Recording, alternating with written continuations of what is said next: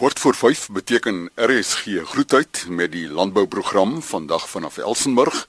Chris Viljoen met inligting oor die volgende kruidagtige weidings, 'n nuwe audit sertifiseringsprogram, 'n agtal Afrika blaargroentes en die keuring van landboustudente by die Universiteit van Stellenbosch.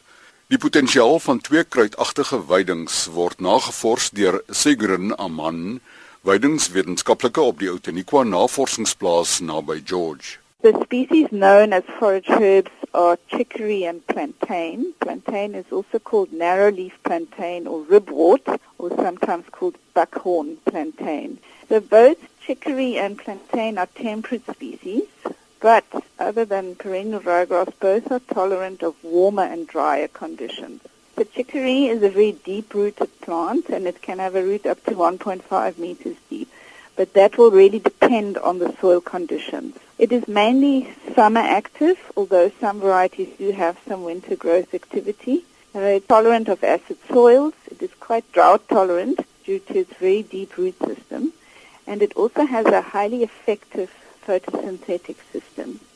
So this means that chicory can resume production after a period of stress. So if the plant experiences excessive heat, it will reduce its root mass, but it will produce an increased number of leaves, but they will be smaller leaves. Plantain is also a temperate species. Uh, it's also deep-rooted, but not quite as deep as chicory, but definitely deeper rooted than the grass species. It is also summer active, although some varieties also have some winter growth.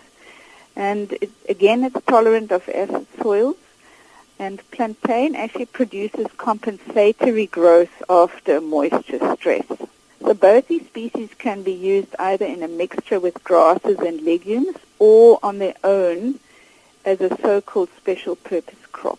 Both have a very high forage quality, which makes them ideal for intensive high productivity dairy systems. Disadvantage of both these species is that chicory uh, has above ground crowns, which means they can be damaged with low uh, grazing or with excessive trampling. And for both species, their optimal grazing interval is longer than that of ryegrass, and thus in a mixture, their population will decrease over time. So for chicory, another disadvantage is uh, the flowering. Those flowering stems are very unpalatable and thus it will be very important to choose the correct variety and it should be a forage variety rather than a vegetable variety or those varieties that are used uh, for the roots for which are used for coffee substitute. The disadvantage with plantain is that it is often considered a weed and thus the acceptability of the crop is sometimes a problem. But both these species have a very high production potential, especially in spring, summer, and autumn. And they have a very high forage quality and produce at a time when other temperate pasture grass species often struggle with the climatic conditions. So it is very important that we test and evaluate the varieties that are available and that we identify the suitable ones. And the main factors are yield, disease, and pest resistance and of course the flowering behavior and their use in mixtures. Segrin Aman, weidingswetenskaplike op die Outeniqua Navorsingsplaas en haar e-posadres segrin s i g r u n a by elsenburg.com. Control Union het nog 'n ouditprogram by hulle huidige lys van audit sertifiseringsgevoeg gevoeg. Siese auditeur Karel Manrou gesels vanaf Nui in die Woester distrik. Dit is die RWS standaard, oftewel Responsible Wool Standard. Die RWS is 'n sertifiseringsmeganisme wat aan skaapwolprodusente die geleentheid verskaf om hulle toegewydheid tot die besmoontlike praktyke op die plaas te demonstreer. Alle meer handelsname en dierorganisasies versoek die een of ander bevestiging dat verskaffers van wolprodukte die vereistes ten opsigte van die welsyn van diere en die korrekte grondbenuttingspraktyke nakom.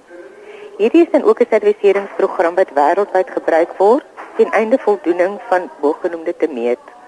Die RWS audit is vrywillig en vervang geen kwaliteitsstandaarde wat deur 'n betrokke land daar gestel is nie. Wat is die sleutelpunte van die RWS? Eerstens, hier is die welstand van diere hoog op die lys en een van kardinale aspekte van die program. Tweedens, die beskerming van grond en die korrekte toepassing van grondbestuur. Hier word veral gekyk na die biodiversiteit, natuurlike plantspesies en grondbeskerming. Derdens, volg die naspeurbaarheid van die wolproduk. Dit vind plaas vanaf die plaas tot die finale produk. Verbruikers is dus verseker dat produkte wat die RWS kenteken bevat, afkomstig is van plase wat met verantwoordelikheid bestuur word en aan die RWS program voldoen. Nog 'n sleutelpunt van die RWS is dat elke stadium van die aanvoerketting deur 'n professionele derdeparty serviseringsliggaam geaudit word. En laastens, slegs 100% wolprodukte mag die RWS kenteken dra.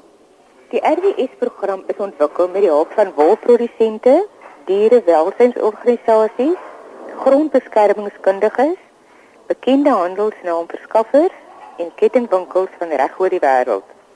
Indien jy meer oor die RWS program wil lees, besoek gerus die volgende webtuiste: www.responsiblewool.org. Vir enige navrae rakende 'n ouditbespreking of 'n kwotasie rakende die RWS program by Control Union, kontak asseblief vir Andre Meiburg by A Meiburg en dit is sonder 'n H @controlunion.com of u kan ons skakel by 076 997 9244 vir meer inligting. Cesar auditeur by Control Union Karel Manrou. Die webadres www.responsiblewool.org. Navorser Selilo Ramosandiva van Landbou Navorsingsraad op Rodeplaat gesels nou oor ag Afrika blaargroentes. We have many African leafy vegetables, but most common ones are cowpea, pumpkin, amaranthus, nightshade, spider flower, juice melon, summer melon, Chinese mustard. African leafy vegetables are highly nutritional value including uh, micronutrients like iron and beta carotene. They have advantage of market value, their potential for high returns in the market. However, they still need to be promoted and also create awareness. People do know about African leafy vegetables for relish, but they are not aware of their nutritional value.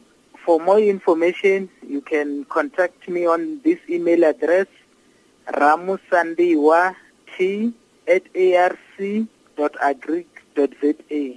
R-A-M-U-S-A-N-D-I-W-A-T at arc.agric.za. Salilu Ramusandiwa van LNR Rodeplaat, sy e-posadres r u S A N D I W A T by arc.agric.za. Die keuringsproses by die fakulteit Agriwetenskappe aan die Universiteit van Stellenbosch is tans onderweg. Ons verneem by professor Dani Brink, die waarnemende dekaan van die fakulteit. Ons is nou met 'n baie komplekse proses besig om ons uh, nuwe toetreders hier by die landboufakulteit beide by ons in Elsenburg te keer vir vir 2017. Die aansoekproses het natuurlik al uh, jy weet baie vroeg gesluit in Junie 2016, maar die matriekuitslae wat maar groot invloed het op die goed kom uh, eers maar vroeg Januarie beskikbaar. Die universiteit het um, met die ingang 2016 ons toelatingsvereistes vir studies in landbou verhoog in beide wiskunde en die graad 12 gemiddeld. En ons het dit gedoen met die uh doel om ons graduerings sukseskoers ons studente se sukses met hulle studies te verskans sowel as die akademiese integriteit en gehalte van ons onderrig. En uh dit het 'n interessante verskywing ook teweeggebring. Ons sien toenemend um, dat studente wat kies om landbou te studeer, as 'n toename in studente getalle maar daar's 'n verskywing van ons studente na die studente met 'n stedelike en voorstedelike basis. Met ander woorde daar's 'n inkrimping van studente van die platteland in ons eintlik operasionele boerdery distrikte en omgewings om te kom landbou studeer en ek het gedink om bietjie daaroor te gesels om eintlik ons plattelandse skooliere en die onderwysers en ouers wat hulle moet bystaan met loopbaanbesluite aan te moedig om baie sterk te oorweeg om wel daai skooliere te kanaliseer na professionele en bedryfsloopbane in die landbousektor. Uh, ons weet hoe belangrik die landbou is uh, vir ekonomiese groei en ontwikkeling en ook sekondêr, jy weet, voedselvoorsiening. Maar die landbousektor van vandag bied 'n verskeidenheid loopbaangeleenthede op die volledige waardeketting. Dit is lank nie meer net toegespits op boerdery en boerderypraktyk nie, maar uh, dit bly vir ons krities belangrik om studente vanaf die plattelandse omgewings wat landbou en boerdery omstandighede verstaan, eerstrangs ondervinding daarvan het om daardie studente te betrek by professionele en gevorderde landbouopleiding. Ehm selfs die onderlinge leer wat plaasvind tussen kontak tussen studente sien ons dat dit geweldige waarde ontsluit om studente met praktiese ondervinding in dieselfde leeromgewing te plaas as studente wat hulle nou net met teoretiese opleiding besig is om te bekwam. So ek het net gedink om weer eens vir uh, onderwysers, uh, ouers en vakkundiges wat met skooliere werk en uh, selfs dele van informele gesprekke oor loopbaankeuses om met vertroue die studente veral van die plattelandse omgewings aan te moedig om landbou as 'n loopbaankeuse jy weet te kies. Um, ek wil ook net noem party van die studente mag nou geïntimideerd wees deur die verhoging van ons toelatingsvereistes, jy weet veral vir wiskunde. Ons ons vra nou al 'n 60% gemiddeld vir toetreders, maar ons bied buitengewone ondersteuning aan studente. Ons het oopbruggingskursusse, ons het mentors en tutors en spesiale groeperinge. So ons die studente word nie vir die wolwe gegooi of aan onrealistiese uitdagings blootgestel nie. Dit is sodat ons baie doeltreffende en effektiewe ondersteuningsstelsels in plek het en ons um, om vir die ouers en die studente ook voornemende studente gemoedsrus te gee ons gradueringskoers vir ons studente in totaal is hier so ongeveer 76%. So uh, dit is uh, dis harde werk wat voor lê, maar daar soete beloning, jy weet aan die einde en as ons studente die kans gee om met die programme te begin, dan is daar regtig baie professionele en deeglike vakkundige steun aan die studente. Professor Dani Brink, waarnemende dekaan van die fakulteit Agriwetenskappe aan die Universiteit van Stellenbosch. Die 6de internasionale byeenkoms van die loopvoël of redtide groep het op Stellenbosch plaasgevind. Navorser wetenskaplike Dr Anel Engelbrecht van die Oudtshoorn Navorsingsplaas. Die groep bestaan uit navorsers wat navorsing doen op die loopvoëls. Met ander woorde, dis nou voëls wat nie kan vlieg nie. Die bekendste hiervan is sekerlik die volstruis, maar dit sluit ook in spesies soos die emus, uh, die rias en ook die kiwis. Ehm um, hierdie loopvoelgroep uh, werk onder die sambreel van die Wêreld Pluimvee Organisasie. Nou wêreldwyd het die loopvoelbedrywe baie gekrimp oor die afgelope tyd. Um, ek dink byvoorbeeld aan die emu bedryf in Australië wat geweldig gekrimp het. Gevolglik het die ondersteuning en die navorsing wat gedoen word in hierdie velde ook baie verminder. Met die gevolg is die onlangse internasionale kongresse toe in Suid-Afrika aangebied omdat hier by ons nog heel wat aktiewe navorsers is wat veral op volstruise werk. Nou die kongres is aangebied in samewerking met die Suid-Afrikaanse Vereniging vir Veekundige Wetenskappe en van die onderwerpe wat bespreek is was onder andere welsyn, ehm um, avian influenza, voeding, kyk en grootmaak en ander boerderypraktyke. Daar's ook gepraat oor die produkte wat kom van die van die spesies af, reproduksie, kunsmatige inseminasie, inkubasie en dan ook teeling en kruisstelling. En ten spyte van 'n baie suksesvolle simposium word die groep deesdae verteenwoordig deur 'n baie klein groepie mense Maar omdat die volstruisbedryf plaaslik vir ons van soveel belang is, sal die groep voortgaan om navorsing te doen en ons sal ook voortgaan om hierdie byeenkomste te hê op 'n gereelde basis. Intussen wil ek vra dat enigiemand wat belangstel of wat dalk wil aansluit by die groep ons kan kontak. Uh, ek kan gekontak word by anel.e@elsenburg.com. Uh, die enigste vereiste vir lidmaatskap by die groep is dat jy moet aansluit by die plaaslike pluimvee vereniging. Dr Anel Engelbrecht, navorser wetenskaplike van die Oudtshoorn Navorsingsplaas. Dan in RSG Landbou, môreoggend om kwart voor 12, die behoefte aan opleiding van plaaswerkers in die Karoo en hoe die plaaslike staatsveearts en sy span hieraan voldoen. Tot dan, groete.